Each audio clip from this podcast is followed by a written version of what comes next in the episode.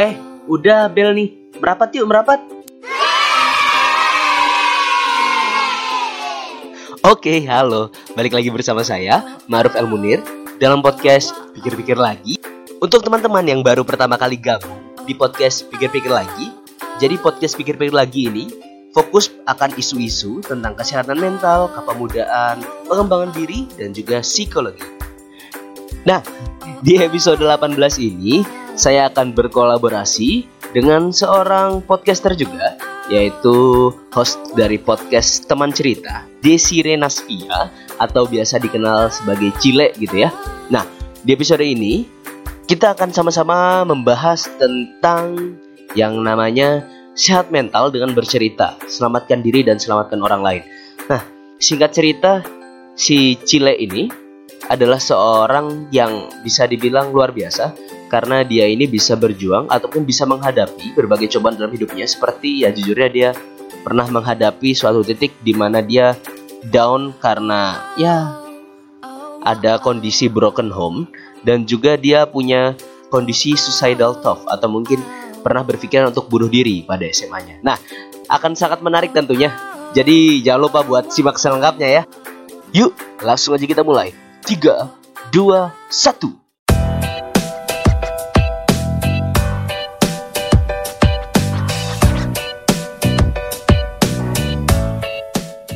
Oke, nah sehari ini Jadi ceritanya gue nih tanggal berapa sih? Berarti tanggal 30 Sekarang tanggal 30 April ya?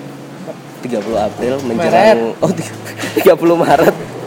Kok ngablu ya? 30 Maret dan sekarang sudah menjelang bulan Ramadan nih satu bulan lagi. Waduh mantap satu bulan Ramadan.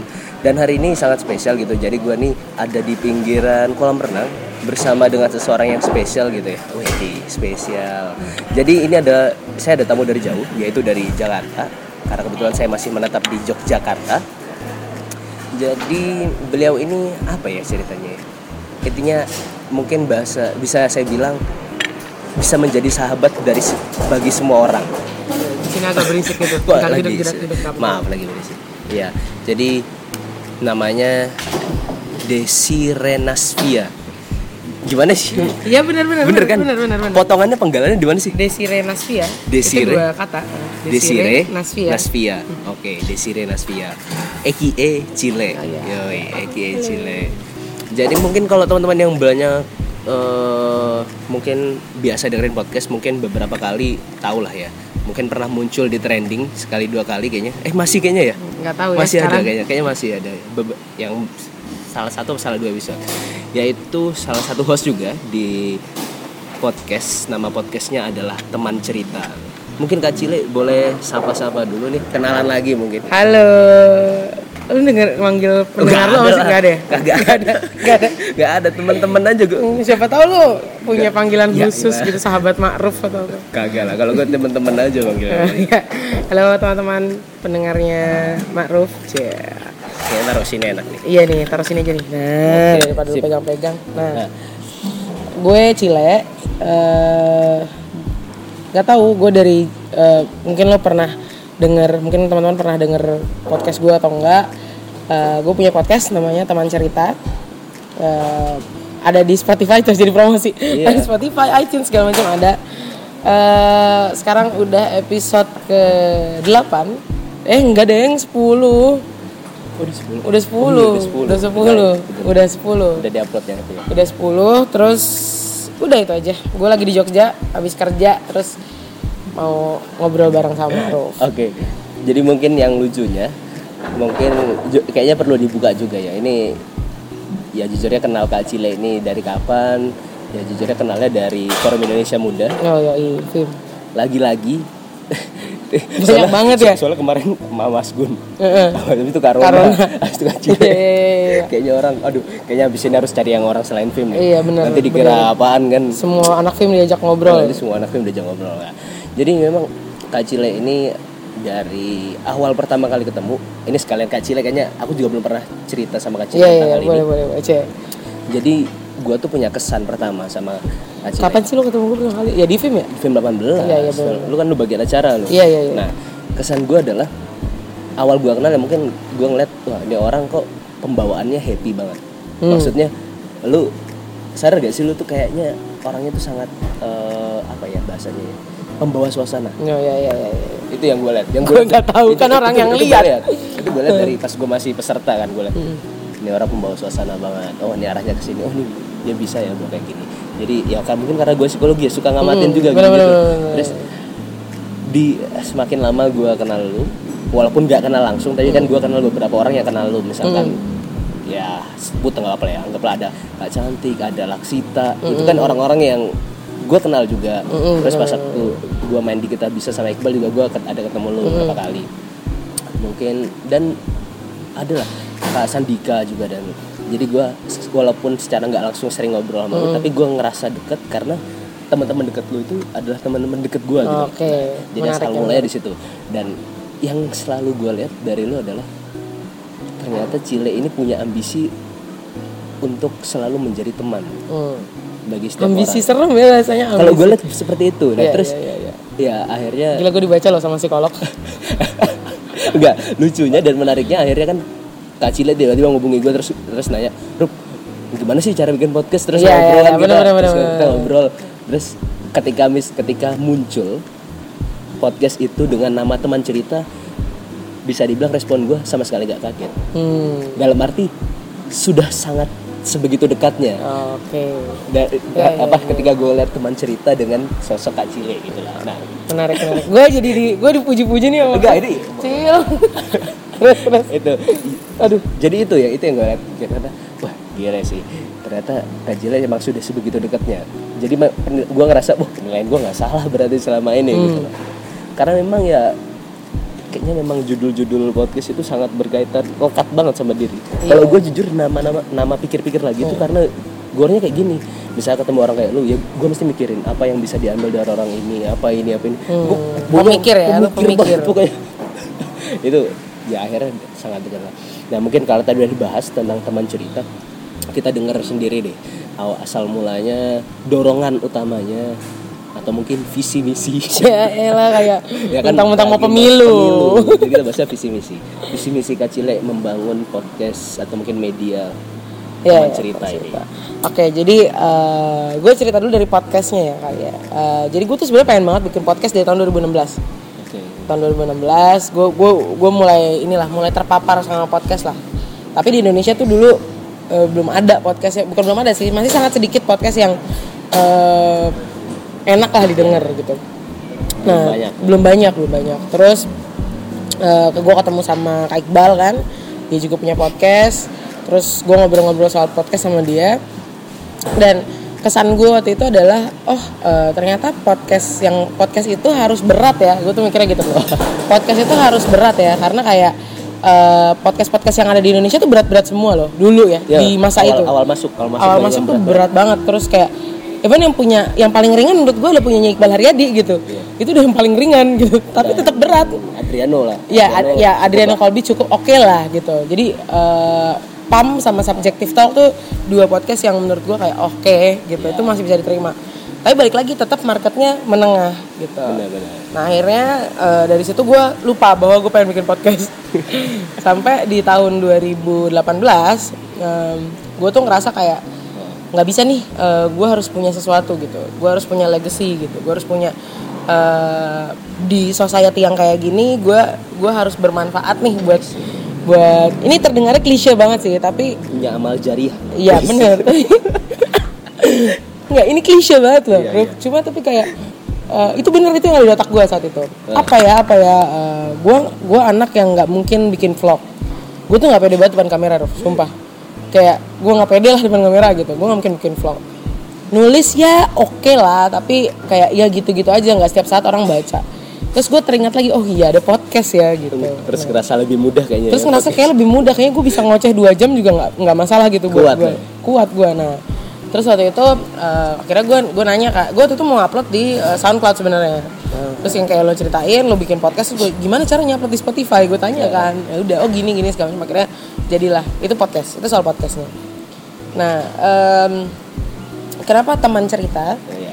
Kenapa teman Menarik cerita? Jadi ini tuh sama kalau misalnya lu ngedenger podcast gua, semua podcast gua depannya tuh prolognya sama. gue percaya kalau semua orang tuh punya eh punya cerita. tapi kadang nggak tahu mau cerita ke mana nggak tahu harus mulai dari mana gitu jadi everyone has a story to tell pasti gitu kalau misalnya Karona mungkin bilang kayak eh, orang butuh cerita Daripada lebih makan. daripada makan gitu iya benar eh, di satu sisi berarti orang juga butuh untuk bercerita orang tuh punya cerita setiap orang punya pasti punya cerita itu yang Dan itu yang akhirnya juga butuh yang mendengarkan. butuh yang mendengarkan benar jadi kayak eh, itu tuh jadi kebutuhan jadi needs iya. gitu buat eh, banyak orang akhirnya ketika gue ngerekam episode pertama ketika gue rekam episode pertama gue langsung kayak oke ini kayaknya cocok deh namanya teman cerita gitu gini kesannya kan kesannya kan gue yang cerita ya Iya. kesannya tuh gue yang cerita Eh, padahal sebenarnya eh, goal behind the podcast adalah orang yang cerita ke gue Iya. tapi biasanya orang mau cerita itu ketika ada triggernya.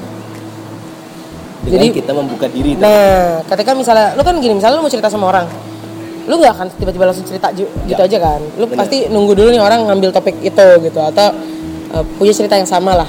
cari sesuatu yang Cari relate sesuatu yang dulu relate. Benar. Nah, makanya kenapa akhirnya gue cerita dulu, gue yang cerita dulu. Ternyata dari cerita-cerita gue, orang tuh cerita balik. Kayak misalnya eh, episode gue yang paling banyak banget orang cerita tuh episode yang cerita yang hidup dalam ekspektasi orang lain. Oh iya. itu yang feedback banyak banget. Itu paling banyak feedbacknya. Bener-bener orang tuh ngerasa bahwa iya ya gue tuh selama ini hidup tuh cuma dalam ekspektasi Iya. orangnya. Even gini eh, belakangan ini lagi hits banget di Instagram bahas tentang toxic family.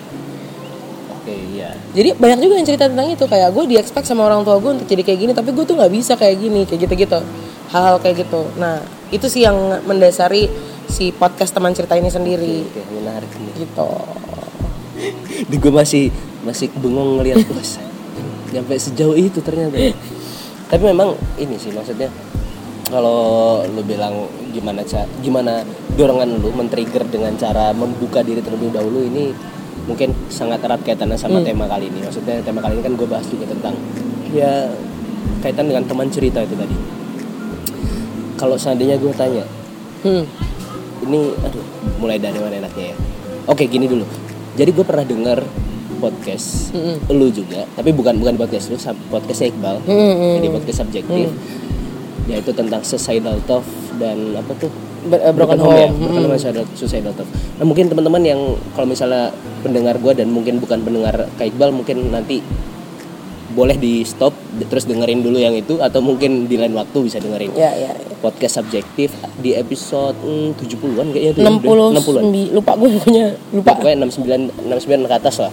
Jadi podcast itu ada gambarnya Kak Cile lagi duduk kalau iya salah. iya iya. itu Nah, foto dengerin. favorit gue Itu intinya Kak Cile ini kalau yang gue lihat ada behind story-nya. ya ya Di balik dia punya visi misi untuk menjadi punya goal supaya orang itu punya teman untuk bercerita, Hmm. tapi di sisi lain dia punya behind story-nya dan yang pernah gue dengar ternyata seorang Kak Cile ini pernah ada di posisi di mana yang mungkin kalau bahasa orang-orang psikologi itu udah ya tadi lah disebut suicidal thought itu mirip-mirip sama orang-orang depresi lah ya ya ya, ya.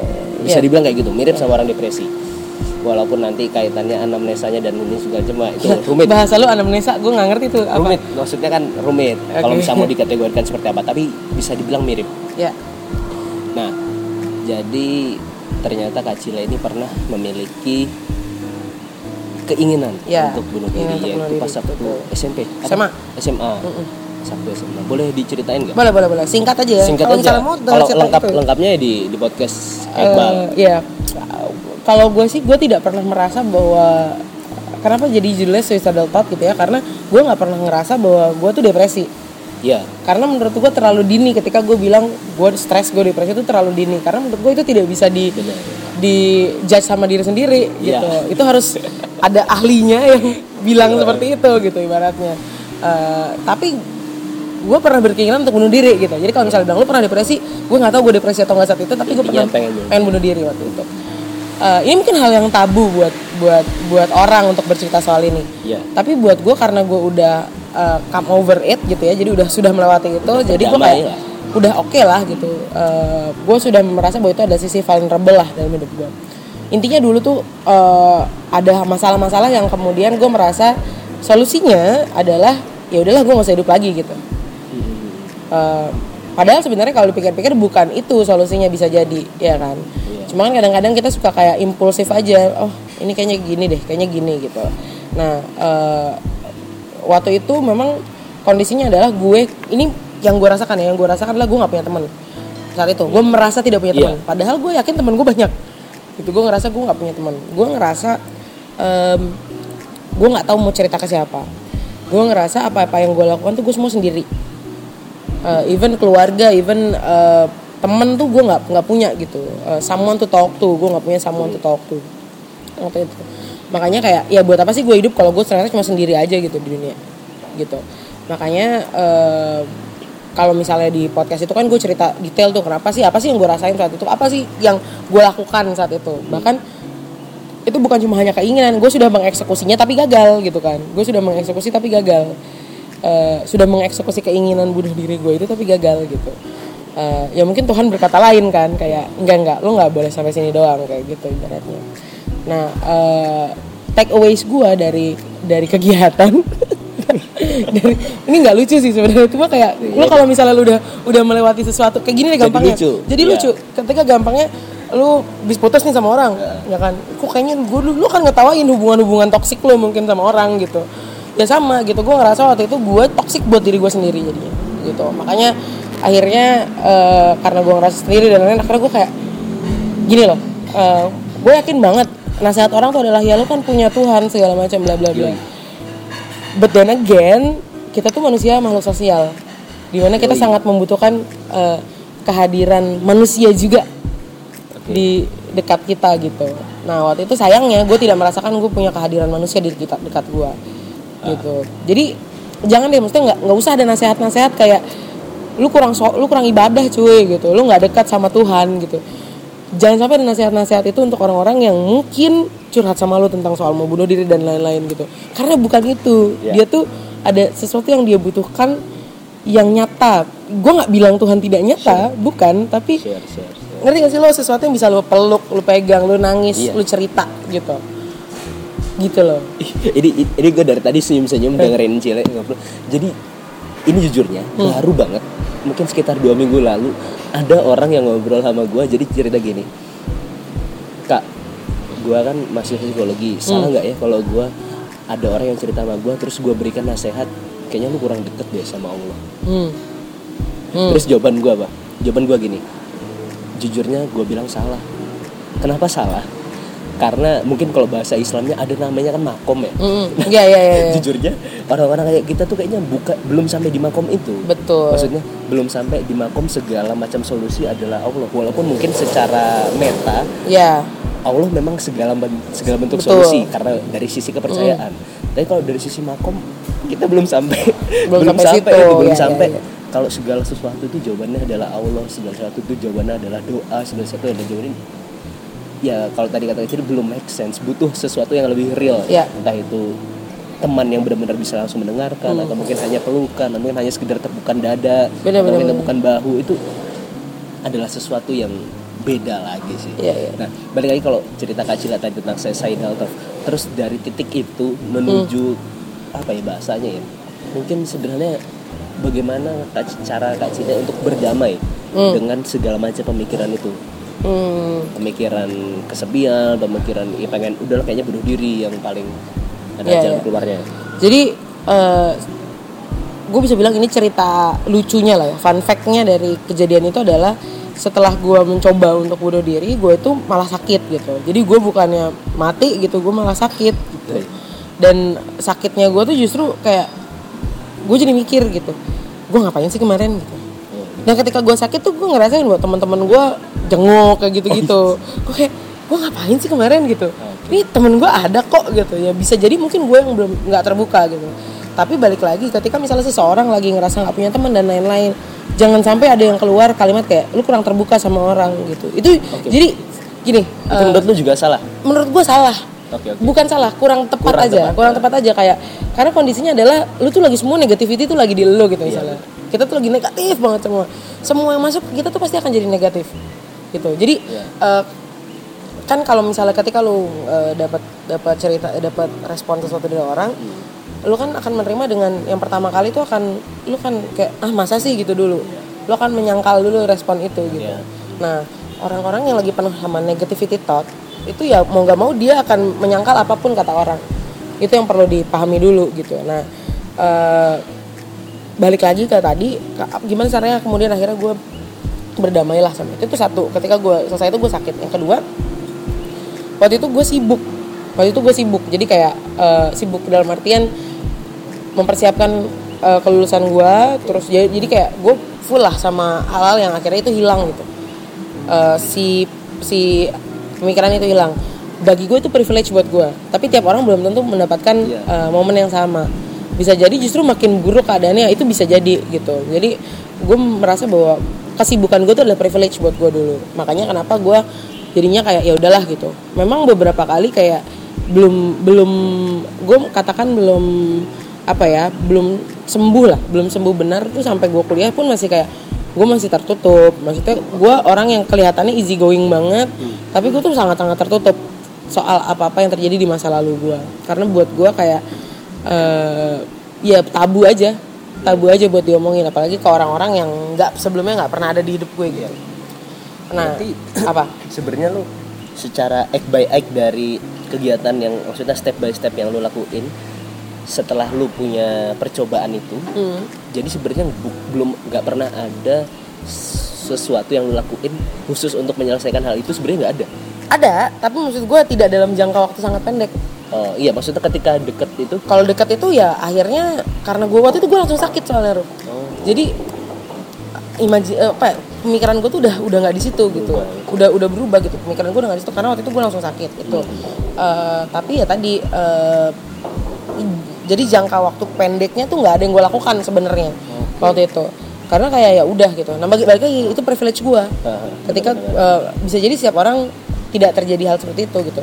Jangka menengahnya itu kan pas gue kelas 3 SMA jangka menengahnya sekitar 1-2 tahun. Setelah itu eh, ya gue gue masih disibukkan dengan ber- berbagai kegiatan. Tapi di situ gue mulai menyadari bahwa ada yang belum selesai dari kok diri ada yang gua. belum selesai dari diri gue gitu. Kok kayaknya gue kosong aja ngelakuin sesuatu tuh nggak nggak fulfilled gitu. Kayak ya udah eh, ya yang kayak pembicaraan kita semalam gue seneng Iya. tapi gue nggak bahagia gitu gue seneng maksudnya kayak ya udah gue Iya. seneng. Tapi senengnya tuh kayak one uh, one shot one shot gitu loh. Iya. oke gue seneng ketika gue jadi ini. Gue seneng ketika gue dapet ini. Tapi tidak ada sedikit pun kayak ha- happiness gitu kayak wow gitu. Kayak yang gue pikirin berhari-hari tuh nggak ada gitu. Nah uh, ketika gue masuk di uh, tahun ketiga nggak kuliah udah kuliah ini udah kuliah nih kuliah. udah kuliah itu kan gue kelas 3 pas yang kejadian itu kan oh udah kelas tiga SMA. kelas 3 SMA. Iya lu bayangin aja. Jadi gue tuh belum selesai sama diri gue. Itu gue kelas 3. Terus eh, kondisinya gue tuh ngerantau. Jadi kalau misalnya pikiran itu balik lagi, bukan nggak mungkin itu bakal kejadian. lebih ngeri lah Iya. Iya makanya gue bilang ini bisa jadi privilege buat gue. Ini tuh Allah tuh sayang sama gue gitu. Itu yang ya kayak di titik itu kayak iya ini Allah tuh sayang banget sama gue sampai kayak gue nggak dibiarkan untuk menyelesaikan ini sampai fisik gue, pikiran gue, mental gue tuh siap buat nyelesain ini gitu. Eh, akhirnya jangka menengah tadi jangka menengah gue di jangka menengah tadi akhirnya karena gue ngerasa kayak gitu terus gue ngobrol tuh sama eh, saudara gue yang kebetulan dia psikolog gue ngobrol sama ini ini jadi sebenarnya turning point untuk membuka diri dari sini apa Enggak juga. Jadi ini tuh jadi gini. eh, jadi beberapa step ini tuh kayak baru lu buka kunci gitu. Ah, iya. Pintunya ini belum kebuka, tapi kuncinya udah kebuka nih. Tinggal kapan gue membuka pintunya. Gitu. Jadi kalau bahasanya di gue gue lupa bahasanya tapi intinya adalah eh, dia cuma bilang kalau satu-satunya hal yang bisa membuat lu eh, hilang ini semua itu adalah dengan lu menyadari bahwa memang lu ngelakuin itu jadi mungkin selama ini gue denial gue tuh denial sama sama apa yang gue lakukan di masa lalu gitu. Terus ah masa sih gue ya biasa kan ya enggak Iya. kayak enggak ah gue gue tahu kok gue ngelakuin itu. Tahu sama mengakui itu dua hal yang berbeda kalau bahasa dia. Terus akhirnya dia bilang coba deh lo ke psikolog. Terus gue lo kan psikolog kok gitu nggak bisa jangan sama yang ada ikatan keluarga kata dia gitu. Lo harus sama yang benar-benar totally lu nggak tahu dia siapa kayak gitu. Berarti kayak gitu. Beda lah kalau misalnya ke keluarga gue akan emotionally bond sama lo gitu. Jangan sampai lo sama psikolog lo tuh punya emotionally bond yang kayak gini nih darah gitu. Lebih banyak denial kan pasti. Iya. Tapi itu orang berarti banyak menganut tentang awarenessnya itu. Iya iya iya. karena memang yang paling dasar itu selain sadari terus juga nanti diterima ya setelah nanti setelahnya disyukuri malah sampai di tingkatan-tingkatan itu ada Hmm. menarik. Ya akhirnya balik lagi akhirnya gue oke gue gue ke psikolog akhirnya gue ke psikolog. Bener ke psikolog? beneran ke psikolog? Karena gue kayak itu berarti pas kuliah tuh? Pas kuliah. Gue tuh penasaran kenapa sih saudara gue nyuruh gue ke psikolog gitu kayak gue tuh gini ya eh, ini disclaimer ya ini Iya. pikiran gue waktu itu gitu. Beda sama gue sekarang. Dulu tuh gue mikir gue ke psikolog emang gue orang gila apa gitu loh Iya. itu itu common. masih banyak. Itu common. Masih orang-orang masih banyak berpikir Banyak seperti ya. itu walaupun sebenarnya enggak nih ntar di belakang gue akan cerita apa efek dari gue ke psikolog gitu. Tapi gue sekarang gue cuma bilang gue dulu pikirnya kayak apain sih gue orang gila? Tapi karena gue anak yang nggak bisa ditantang gitu ya mesti kayak ya udah lu bantu diri lu sendiri berarti gitu oke oke lah gue ke psikolog. Psikolog buat tak ke psikolog. Eh ya udah ketika gue ke psikolog gue cerita pertemuan pertama gue merasa kok gue tuh masih bangun benteng sama psikolog gue kayak ya gue gue menceritakan apa yang pengen gue ceritain aja gitu. Gue nggak cerita the whole story gitu. Even kayak ya gitulah digali digali digali. Gue ternyata di pertemuan pertama tidak berhasil ibaratnya. Gue merasa bahwa psikolog gue merasa emang harus kayak gitu mungkin tahapan yang dilalui kan gitu.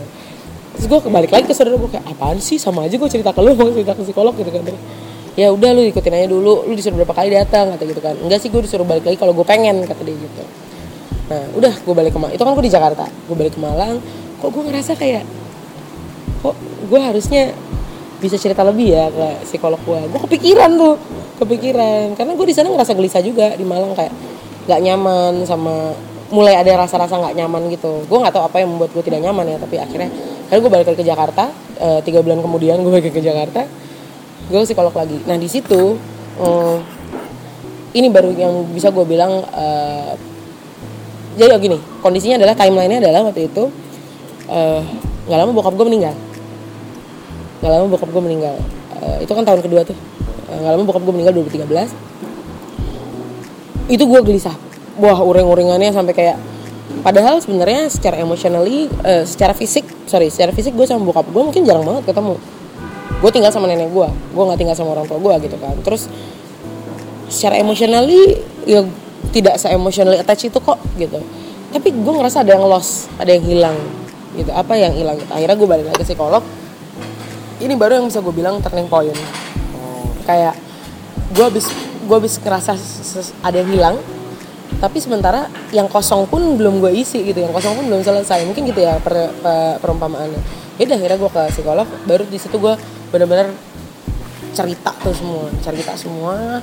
Terus ya lega sih lega lega lega lega. Terus gue masih inget kok kalimat dari psikolog gue dia cuma bilang eh, satu-satunya cara untuk nggak dia nggak bilang satu-satunya dia bilang salah satu cara untuk eh, kamu merasa fulfill merasa bahagia adalah dengan eh, Cile bisa menikmati setiap momen secara utuh.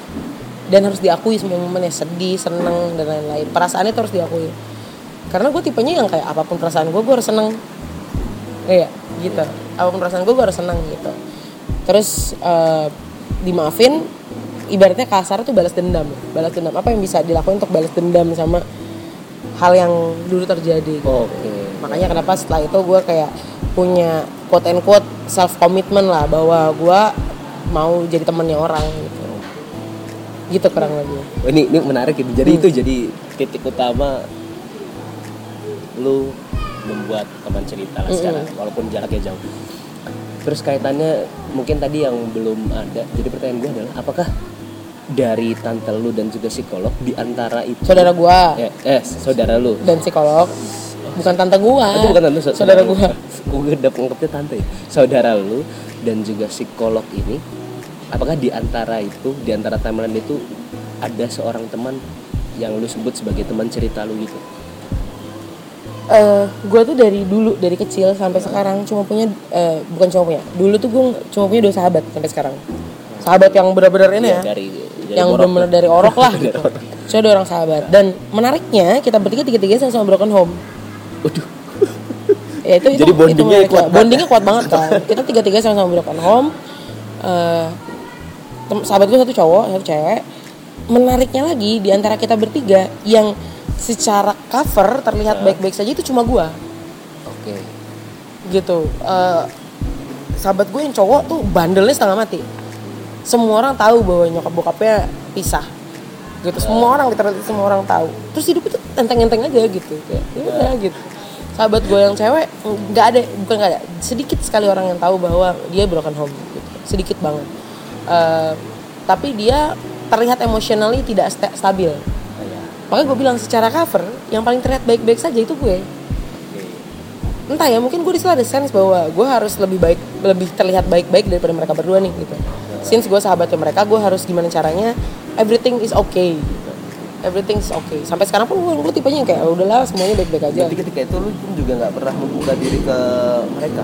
Em, cerita Cerita. cerita mereka tahu kondisinya eh, tapi gue tidak pernah sedalam itu untuk bercerita ke mereka gitu gue tipenya susah cerita loh Maksudnya gue tuh susah cerita untuk dulu ya gue susah cerita untuk yang hal-hal kayak gitu sensitif buat gue gitu sensitif buat gue karena kayak ngebuka luka kayak gitu gitu gue tuh nggak mau lukanya kebuka lagi kayak gitu gitu Ya benar sih.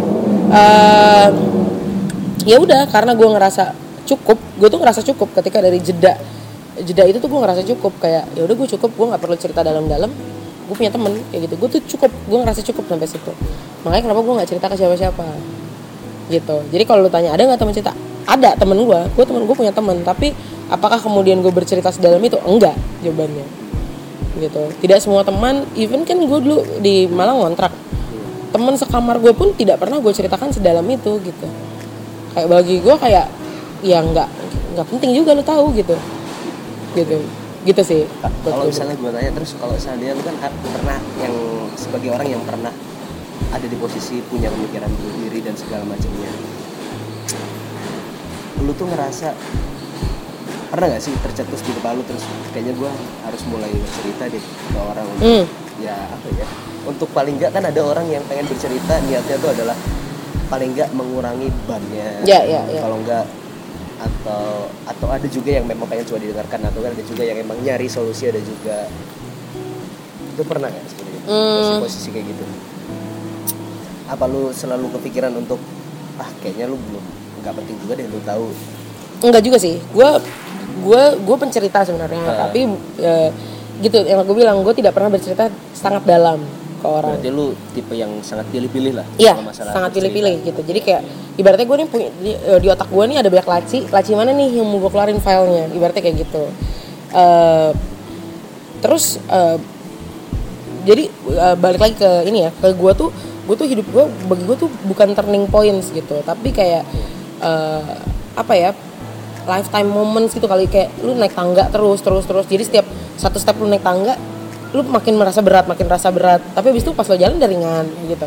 Nah eh, setelah momen bokap gue meninggal setelah momen gue akhirnya ke psikolog dan lain-lain gue rutin sampai sekarang anyway ke psikolog gitu. Jadi iya? kalau misalnya gue eh, Ngerasa- merasa nggak merasa sih gue ngerasa kayak ya udahlah gitu. Enam bulan sekali nggak apa-apa lah atau ya setahun dua kali nggak harus jedanya enam bulan bisa jadi bulan ini bulan depan lagi lagi itu- pengen cerita lagi aja pengen atau, gitu. atau apa?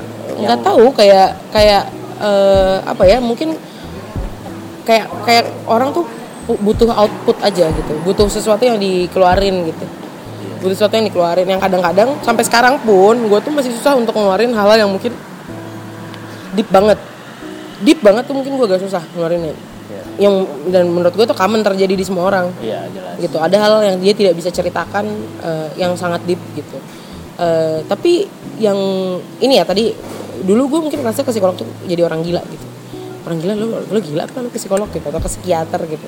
Psikiater pakai obat anyway gitu kadang-kadang eh, kalau tapi bukan berarti ketika lu ke psikolog ketika lu ke psikiater itu lu orang gila enggak gitu simply lu mungkin cuma butuh cerita tapi lu nggak punya teman atau lu nggak punya orang yang bisa lu ceritakan hal yang ingin lu ceritakan kayak gitu gue kadang-kadang cerita juga nggak butuh solusi karena kadang-kadang kan kalau kalau ke psikolog tuh gue biasanya disclaimer gitu saya cuma mau cerita doang gitu ya udah dia nggak akan ngasih kayak judgement judgement apa apa ke gue gitu kan itu kewajibannya nggak boleh judgement Iya kan? Iya kan sebagai mungkin itu Prinsip kode utama. etiknya psikolog anyway Prinsip gitu. utamanya.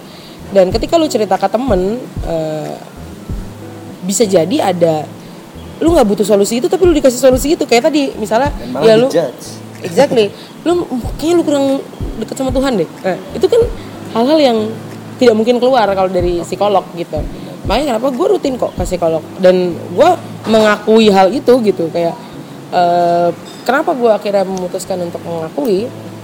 Ini balik lagi ke pertanyaan lo ada eh, kayak apa sih yang ngebuat lo kemudian akhirnya eh, oke gue saatnya bercerita atau ini gue gue titik balik lah titik balik kapan lo akhirnya memutuskan gue butuh cerita nih gitu. Eh, gue akhirnya mengakui bahwa kelemahan gue adalah eh, gue itu ya tadi gue gue gue pencerita tapi gue nggak bisa cerita terlalu dalam. Tapi gue butuh itu dikeluarin karena semua orang cerita ke gue gitu kasarnya. Ya ini ini ini juga kayaknya sesuatu yang pengen gue share gitu. Jadi memang kalau gimana ya kalau dibilang dalam ilmu psikologi juga nggak dijelasin tapi sederhananya ada sebuah keilmuan yang bahas tentang resonansi dan energi gitu karena memang kalau misalkan kita sedang bercerita gini sama orang terutama Hmm. face to face terus apalagi anggaplah psikolog dah seorang psikolog itu dia itu kan pekerjaannya kebanyakan otomatis menerima sesuatu yang dalam tanda kutip buruk Mm-mm. Maksudnya pengalaman buruk orang Iya. gitu kan. Entah itu misalnya misalnya ada pembahasan tentang keluh kesahnya mungkin dalam pekerjaan dalam hubungan asmaranya dalam A segala macam A sampai Z lah. di sisi lain yang perlu sisi apa sih psikolog itu juga menyadari adalah pasti ada sesuatu negatif yang terpapar ke diri dia. Ya. Itu itu pasti banget dan kayaknya semua psikolog juga udah paham. Bahkan jadi gue punya beberapa mentor juga psikolog psikolog di dosen-dosen gue ada yang unik bahkan ada satu titik dia tuh kalau udah kebanyakan nerima konseling atau mungkin terapi orang jadi lehernya tuh nggak bisa ditekuk. Hmm, sakit. Sakit. Dan itu Hmm. bisa dibilang cukup rutin.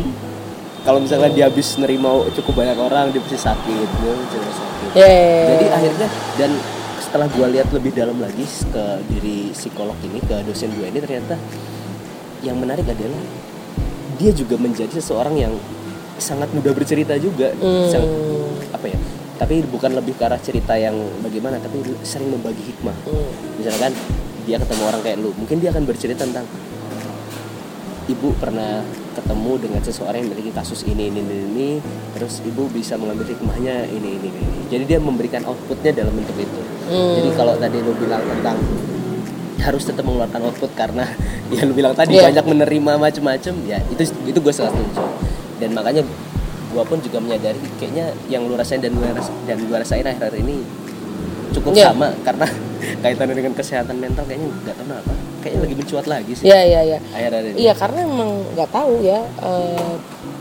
sebelum ke kesehatan mental salah satu hal yang gue lakukan untuk rilis eh, that energi gitu ya adalah nulis. Jadi ketika gue nulis, em, gue tuh kayak nge-recall cerita orang. Jadi nggak semua tulisan gue tuh tentang gue, nah gitu nggak semua tulisan gue tuh tentang satu orang gitu. Ya, atau tentang gue doang. Ada juga dari cerita orang. Ada juga kayak orang random tau ntar nggak terekam. Orang random cerita ke gue di email eh, terus gue udah gue respon. Akhirnya karena sudah gue respon eh, oke gue kayak ini harus gue keluarin nih lewat mana ya? Ya lewat tulisan gitu akhirnya gue gue gue menulis akhirnya gue menulis untuk ngerilis si eh, itu gitu. kalau gue malah kalau misal gue dapat cerita yang menarik biasanya gue langsung izin Hmm. gue boleh nggak cerita ini gue pakai Hmm. bahkan gue jujur jujur ini kayaknya gue buka di sini di beberapa podcast gue latar belakangnya adalah cerita orang Hmm. itu sebenarnya Hmm. latar belakangnya dari cerita orang dari banyak banget episode episode yang gue buat itu dari latar belakangnya dari cerita orang aja. Hmm, menarik gue tangkap terus tadi gue pengen ada satu titik. Jadi jujurnya tadi abis gue denger lu pas waktu bilang kenapa gue bisa sampai segitu pilih-pilihnya untuk bercerita adalah karena gak semua orang itu bisa menjadi pendengar yang baik lah bisa dibilang gitu. Dan apa ya, ya lucu aja ya. Tadi gue tiba-tiba kepikiran malah kayaknya gue tahu nih episode setelah ini. Episode setelah ini gue pengen bahas tentang semua orang itu bisa menjadi konselor. Hmm. jadi bagaimana? Karena jujurnya begini sekarang yang lagi kenapa gue ngajak lu ngobrol juga? Sedang meneng- ah, ya. dengerin. jadi yang gue lihat adalah dalam dalam pribadi gue saat saat ini ngerasa setiap orang itu butuh bercerita dan butuh terbuka dengan orang lain. Betul. Di, di titik itu titik dulu. Hmm. belum belum koma komanya ya koma komanya kan cukup banyak ya dalam arti dengan siapa kita harus bercerita. Cerita Se- seperti ah, apa. cerita seperti apa. Dan mungkin kalau tadi bi- lu bilang seberapa dalam lu bisa bercerita Hmm. dengan orang itu pun juga akan sangat berkaitan. Sangat dan di sisi lain kaitannya juga tadi dengan psikolog. Karena semakin banyak karena banyaknya orang yang menganggap si ke psikolog itu adalah sesuatu yang masih dianggap tabu. tabu menjadi pendengar yang terbaik menurut dia adalah orang-orang yang di sekitar dia doang Betul. dan akhirnya sering kali mendapatkan respon yang tidak sesuai ekspektasi betul atau mungkin ya mungkin kasarnya salah lah ya ya kalau mungkin kasarnya salah akhirnya ada juga jadi memang ya tadi balik tadi itu teman gue nyampe ada yang bilang dia memberikan solusi iya lu kurang deket sama Tuhanmu mungkin lu kurang nggak sholat lima waktu kali. Gitu. Iya, iya. jadi ini ini ini lucu sih dan kalau dari lu pribadi gimana sih cara lu itu eh, mungkin kaitannya dalam memilih teman cerita? Hmm. memilih teman cerita ya? Oke. Menarik. Dan mungkin nanti kaitannya dengan oh kalau misal lu lu misalnya ketemu gua lu nanti jadi tahu batasan gua kalau misalnya cerita sama Arif itu segini. Kalau gua cerita gimana? Eh sebelum gue bahas tentang milih teman cerita mungkin ini ya kali eh tadi kan sempat lu mention bahwa sekarang tuh banyak orang yang butuh cerita gitu. Ya, kebutuhan orang akan cerita kan tinggi ya. Berarti kebutuhan akan yang mendengarkan juga sangat tinggi kan Iya. sebenarnya. Seharusnya sama harusnya sama nih sama. tingginya. Tapi sayangnya gitu ya eh, orang itu kebanyakan gue mau cerita aja. Gitu. belum tentu gue mau dengerin orang kayak gitu loh. Iya benar. Gue mau cerita belum tentu gue mau dengerin orang kayak gitu. Nah eh, ini ini kaitannya dengan gimana sih cara gue eh, memilih secara tidak langsung lah eh, teman cerita gue gitu. Gue punya beberapa orang yang rutin gue ceritain. Eh, hal-hal receh sekalipun. Karena gue sangat mm, gue sangat suka melibatkan orang di dalam kehidupan gue sebenarnya. Kayak gue pengen orang merasakan hal yang sama apalagi hal bahagia. Ya kan hal bahagia. Eh, gue punya dua or- dua tiga orang lah yang emang reguler gue ceritakan eh, apa pun bener-bener apa pun yang terjadi dalam kehidupan gue saat ini? Saat ini gitu. Kayak live report bahkan gitu kayak misalnya nih gue nyampe Mojokerto nanti gue tuh pasti akan cerita ke seseorang ini untuk kayak iya kemarin tuh gini gini gini gini kayak gitu gitu. Eh, atau ya mungkin nggak tiap hari gitu seminggu sekali live update lah.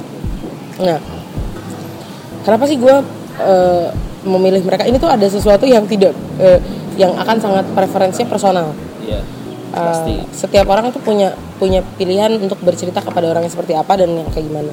Yang menarik adalah kalau gua uh, gua lebih memilih untuk bercerita kepada uh, oh, bercerita misalnya cerita A itu kepada orang yang memang bisa relate dengan cerita gue yang A. Gitu. Cerita B gue akan ceritakan ke orang yang bisa relate ke cerita gue yang B. Gue nggak mungkin dong cerita tentang kantor gue misalnya ke lo gitu. Kalau sama lo gue akan cerita banyak soal film gitu pasti. Mungkin lah. gitu. Ya se- seputar itulah gitu. Nah eh, ya tadi itu itu itu itu itu layer satu. Layer dua adalah eh, respon gue tuh orangnya jarang ganti-ganti temen cerita sebenarnya. Maksudnya kalau misalnya gue udah nyaman bercerita sama satu dua orang gue akan keep cerita sama mereka. Karena eh, responnya mereka itu kan ngaruh ya terhadap terhadap gue gitu terhadap kenyamanan gue ada temen gue satu orang yang memang dia setiap kali gue bilang gue pengen cerita dia pasti akan tanya dulu lu butuh gue lu butuh cerita lu gue eh, ketik respon gue respon atau lu memang butuh gue buat dengerin?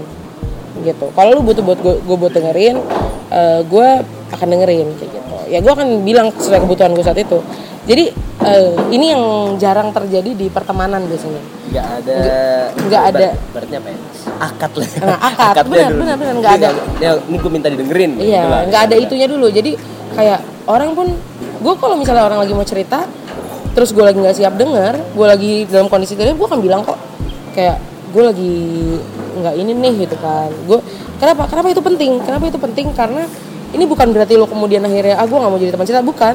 Tapi kondisi lo saat itu akan berpengaruh juga ke psikologis Benar. si orang yang bercerita. Iya benar banget gitu. Jadi gue sih belak belakan aja ketika misalnya ada orang yang cerita sama gue gue gitu ya. akan bilang ke dia boleh nggak kalau ceritanya dipending dulu? Gitu. Karena gue jujur gue sekarang lagi dalam keadaan misalnya gue lagi capek banget. Kan gue dalam keadaan nggak siap terima cerita daripada dia udah cerita nggak gue bales. Pilih mana? Iya kecuali misalnya dia bilang iya gue nggak butuh solusi kok gue butuh cerita aja. Ya udah sok cerita.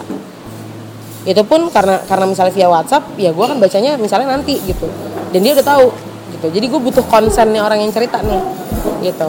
Nah itu yang itu yang eh, kemudian memutus eh, menjadi pertimbangan gue ketika gue memilih teman cerita. Ketika gue bercerita sama orang ya orang ini harus menanyakan konsen gue gitu. Ibaratnya kasarnya ya kayak kayak teman gue tadi gitu lo mau didengerin atau lo mau gimana kayak gitu mungkin yang perlu teman-teman di sini tahu juga gimana sih caranya menjadi orang yang tepat untuk teman bercerita tadi. Ya, ya, ya. Kalau tadi kan gimana Ya, ya, kita coba, memilih coba. teman cerita. Gitu. Uh, ini disclaimer dulu ya, disclaimer dulu, disclaimer dulu Maruf nih agak berlebihan. Jadi uh, uh, iya pokoknya adalah seseorang gitu intinya uh, sempat menjadi sempat membantu dia dalam beberapa hal gitu. Uh, sekarang karena sudah banyak kesibukan gitu ya sayanya gitu. Jadi Dianya juga. ya dianya beliaunya alhamdulillah gitu. Tapi ya eh, intinya pernah lah ada beberapa hal yang kemudian eh, dibantu. Terus ada orang berenang-berenang di depan berenang gua. Terus intinya adalah beberapa hal yang eh, bareng-bareng kerja bareng gitu. Nah eh, apa tadi pertanyaan? Yang lupa gue ya jadi eh, gimana sih eh, kemudian ketika ada di posisi orang yang menjadi eh, Teman teman si pencerita. penceritanya Teman teman cerita, bercerita. ya teman berceritanya dia lah ya gitu Teman bercerita Ya, kayaknya itu pas. teman bercerita seseorang nah eh, ya balik lagi tadi eh, satu eh, kalau gue tipenya gue orang yang akan bilang ketika gue lagi siap diceritain atau enggak Oke. itu yang pertama yang kedua Mungkin nggak gua potong satu-satu kali ya. Mungkin Iya. nanti biar sekalian gua kait-kaitin nama psikologi kan kayaknya Iya, seru iya, nih. iya. Nah, ini kalau yang tadi itu satu, kalau dari kecil bahasa sederhana gitu. Jadi lucunya dalam psikologi yang tadi udah dibahas tentang energi tadi. Hmm. Jadi memang itu sangat berpengaruh kondisi si psikolog kalau seandainya da- bukan dalam kondisi prima itu sangat mempengaruhi dalam Hmm. arti orang ketika datang itu kan membawa energi negatif terus datang kepada orang yang salah dalam arti dalam tanda kutip entah itu psikolog entah itu siapa pun dan ternyata orang itu juga dalam energi negatif dalam arti pemikirannya dalam negatif kondisinya sedang tidak baik Hmm. itu nggak bakal menghasilkan apa apa mungkin tambah parah Hmm, nah ya. makanya kalau tadi pas lu bilang harus siap itu itu sangat setuju banget Ya, Oke, jadi lanjut. gitu tadi. Gue satu itu, yang kedua, hmm, gue tidak akan memberikan saran ketika orangnya tidak minta saran. oke Itu yang dibahas akad tadi. ya. Ah, yang ke, yang ketiga, gue tidak akan memberikan solusi atau saran yang di luar eh, kemampuan gue. Maksudnya yang di luar ranah gue gitu. Kayak misalnya dia cerita soal keluarga. eh, ya gue nggak punya, gue nggak tahu nih apanya gitu. Tapi gue cuma bilang, gue gue tidak akan kayak pura-pura gue jago gitu di di hal tersebut gitu. Tapi gue akan eh, bilang idealnya tuh akan kayak gini. Tapi ya tergantung kondisi lo kayak gitu. Jadi gue tidak akan melebih-lebihkan apa yang gue sebenarnya nggak punya intinya gitu. Tapi lu tipe orang yang kalau misalnya denger cerita, lu akan tell story based on experience gitu nggak? Jadi lu, Oh, iya, iya.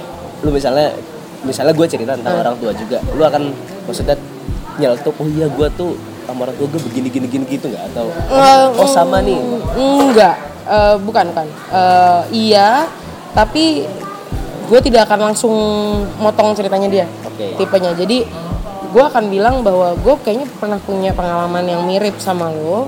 Tapi setelah dia udah selesai cerita, waktu itu ketika gue menyelesaikannya dengan cara seperti ini. Tapi itu gue dengan kondisi gue yang gini gini gini gini. Nah, dengan kondisi lo, mungkin lo yang akan tahu. Jadi gue tuh tipenya kalau misalnya orang cerita, gue akan kembalikan ke dia. Sebenarnya gini loh, gue tuh percaya bahwa segala jenis cerita solusi itu adanya di diri sendiri bener? gitu orang yang diceritain tuh cuma cuma sebagai trigger aja sebagai fasilitator ibaratnya Bener. untuk itu cerita lo sendiri Di titik di ranah psikolog pun sebagai seorang terapis pun terapis atau psikolog pun juga hanya sebagai fasilitator Hmm, dan hanya sebatas itu dan nggak lebih. Ibaratnya semakin jauh si psikolog ini memegang peranan malah semakin tidak baik.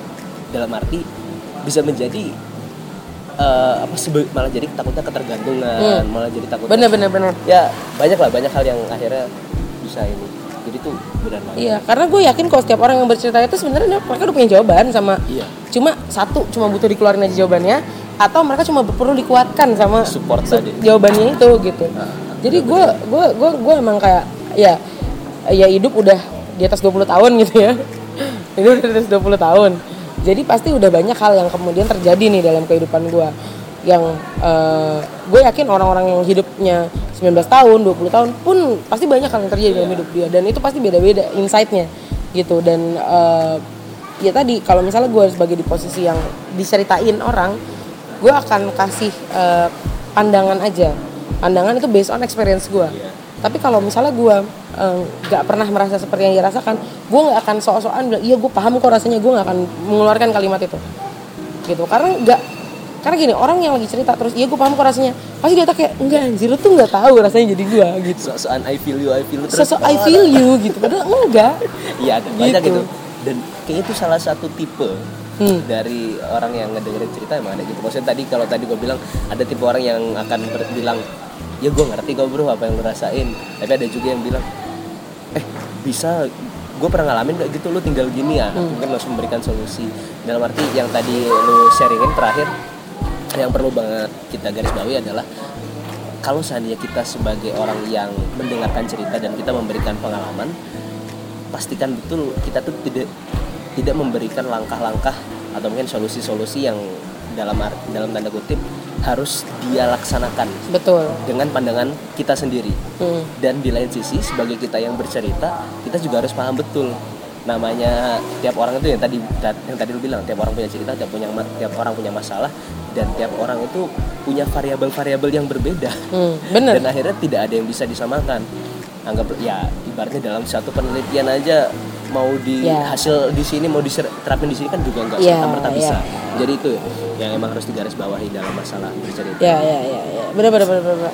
ya balik lagi sih kayak eh, ketika misalnya lu mau ber- men- menjadi teman cerita atau lu mau eh, bercerita sesuatu ke orang eh, banyak kemudian variabel-variabel yang tidak tertulis Iya, yang bener. itu tuh harus Bahkan yang pakai nggak dia sense gitu bahkan yang nggak Iya. diceritakan bener bener bener bener bener. ada orang nih udah bercerita ngerasa udah bercerita semua tapi bisa jadi terutama kalau kalau kayak psikolog ya mungkin karena kerjaannya dia akan menangkap variabel yang oh ini ada variabel yang ketutup variabel tentang ini akhirnya digali lagi lebih lanjut Hmm. lagi. Itu juga gitu nah bener bener bener gue tuh baru beberapa eh, jadi gue gue baru beberapa hari dua minggu lah tiga dua, dua tiga minggu terus dua, dua tiga minggu terakhir ada orang gitu gue sih merasa bahwa dia tuh coach gitu jadinya. Udah di atasnya mentor gitu. Kalau misalnya eh, coach tuh kan kayak ya gimana caranya kita uh, akhirnya menemukan sendiri memberdayakan apa yang apa yang kita punya sendiri gitu. Nah, gue gue gue gue sempat ngobrol sama dia, gue sempat cerita apa ya apa apa yang gue rasakan gitu. Gue ingat banget kalimatnya dia adalah uh, if you want to be authentic, if you want to know more about yourself, you have to know uh, sisi vulnerable dari diri lo, sisi terlemah dari diri lo. Lo tuh lem- dan lo harus lo harus akui sisi lemah lo tuh harus lo akui. Orang tuh gengsi ngakuin sisi lemahnya, coy. Gitu. Iya. Tapi ketika lu mau tahu lu itu orang yang seperti apa, lu punya strongest point lu apa, bukan strongest pointnya dulu yang lu lihat, tapi justru vulnerable pointnya dulu yang dilihat. Sisi paling lemah lu tuh apa gitu. Nah dari situ lu akan tahu, oke gue lemahnya ini, gitu. Gue gue harus akui gue lemah ini dan gimana caranya kemudian itu lu putar balik. Dan menjadi sesuatu yang justru jadi strong buat lo. Untuk kayak gini, kondisi gue kalau kita balik ke pembicaraan topiknya tadi awal tadi, masalah case suicidal thought itu sisi terlemah gue loh. Kayak itu tuh hal yang kayak itu tuh gue lagi lemah banget. Itu tuh kayak sesuatu yang ketika diceritain ke orang mungkin nggak nggak nggak banyak orang yang bisa kayak relate sama itu. Atau itu, itu sisi lemah gue gue mengaku itu. Itu pernah terjadi dalam hidup gue tapi apakah kemudian gue kayak menjadikan itu sesuatu yang lemah terus? Enggak kan gue menjadikan itu justru jadi my strongest point gitu. Kenapa? Jadi why? Kenapa akhirnya gue melakukan ini? Why am I doing this? Ya because dulu gue gini gini gini gini. Gitu. Gitu sih kalau gue seru banget. Ini asli seru banget. Ini tadi gue baru ngecek ternyata sudah 54 menit. Wow sudah seru udah hampir sejam. Jadi ceritanya nih ini tadi kalau bilang tadi rame-rame suara anak kecil karena di sini samping kolam renang Iya. dan jujurnya saat ini ini rekaman udah jam 3 dan Kak Cile jam 4 satu jam lagi sudah berangkat ke Mojokerto. Ini Betul. jadi ya luar biasa. Terima kasih banget ya buat Kak Cile udah meluangkan waktu. Loh siap terima kasih juga ini kayaknya apa ya kira-kira hal apa sih yang harus kita garis bawahi dari Hmm. sekian banyak obrolan kita? Dari tadi gue mikir pertanyaan apa untuk menjadi penutup? Gue karena terlalu banyak kan iya, yang iya. yang bisa yang seru-seru. Iya, iya. dalam arti berkaitan semua makanya gue Eh, gue ini kali ya. Apa yang pengen lu eh, sampaikan? yang pengen gue sampaikan adalah eh, satu gue yakin uh, balik lagi gue yakin semua orang tuh pasti punya cerita. Oke. Uh, ada dua hal yang dari dua sisi dua sisi dari cerita itu uh, yang perlu sama-sama kita pasti pernah menjadi itu menjadi si pencerita dan yang mendengarkan cerita ketika kita jadi uh, pencerita uh, pastikan bahwa hal yang kita ceritakan itu memang mau kita ceritakan. Jangan karena ketika kita tidak mau menceritakan hal tersebut bisa jadi akhirnya kita jadi nyesel. Ketika oh kenapa, sih gue cerita itu? Gitu, gitu. Ada ada ada yang kayak gitu. ada yang kayak gitu. Yang kedua ketika kita dari sisi si pendengar ini mungkin akan banyak berat di sini ya. Eh, karena tidak mudah untuk jadi pendengar karena semua orang maunya ngomong. Tapi eh, ketika ketika kita mau ketika kita menjadi di sisi pendengar pastikan bahwa eh, kita mendengarkan dengan tepat. Jadi mendengarkan kan udah ilmunya gue yakin lu bisa cari referensi di mana pun bagaimana menjadi pendengar yang baik baik. udah banyak lah. Uh, udah banyak lah. Uh, tapi itu tadi mendengarkan yang tepat dan sesuai porsinya sebagai seorang pendengar. Gitu. Nggak usah takut buat cerita itu sih. Nggak usah takut buat cerita uh, selalu selalu apa ya selalu uh, tanamkan positivity di dalam kehidupan meskipun lu sedang dalam keadaan negatif sekalipun lu harus bisa mengambil hikmah yang positif dari hal yang negatif itu gitu. Oke, benar-benar menarik banget. Mungkin kalau dari gua gimana ini karena saking baiknya asli gue bingung mau ngasih yang mana. Tapi kayaknya ini ini kan sangat berkaitan dengan episode sebelumnya Iya. yang bareng dengan Karona. Iya. Yang pengen gua tekanin lagi ternyata ya sekarang gue semakin sadar bahwa ya bener sangat sangat sangat bener kat- kalimat-kalimat quote dari yang kemarin obrolan sama Karona "Ev- everybody needs story more than foods gitu. Jadi gue semakin yakin ya memang sebegitu butuhnya kita akan bercerita. Jadi intinya obrolan ini sangat banyak dan mungkin teman-teman bisa banyak banget ngambil manfaat lah dari sini. Semoga ya. Dalam tanda kutip semoga.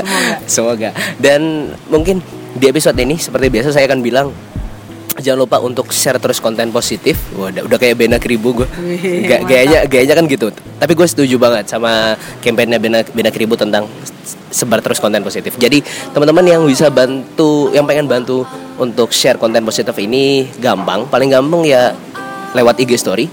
Kalau Kak Cile itu IG-nya at Desire Nasvia D E S I R E E N A S F H I A Oke, nah mungkin kalau misalnya lebih mudah lagi, mampir dulu ke podcastnya teman cerita. Nah di situ nanti ada tulisan IG-nya, lebih lebih gampang kayaknya.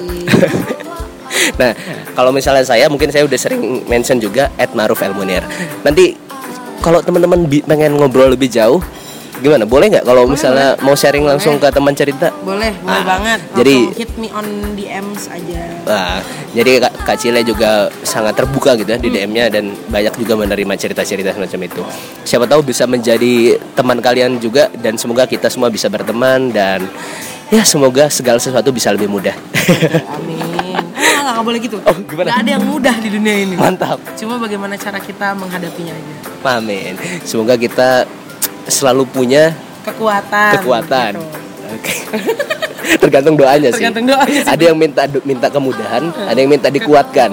Untuk iya sih benar-benar benar. ada dua tipe Ada orang. orang. Ya udah, mungkin itu aja. Ini kalau dilanjutin nggak selesai nih, obrolan macam-macam.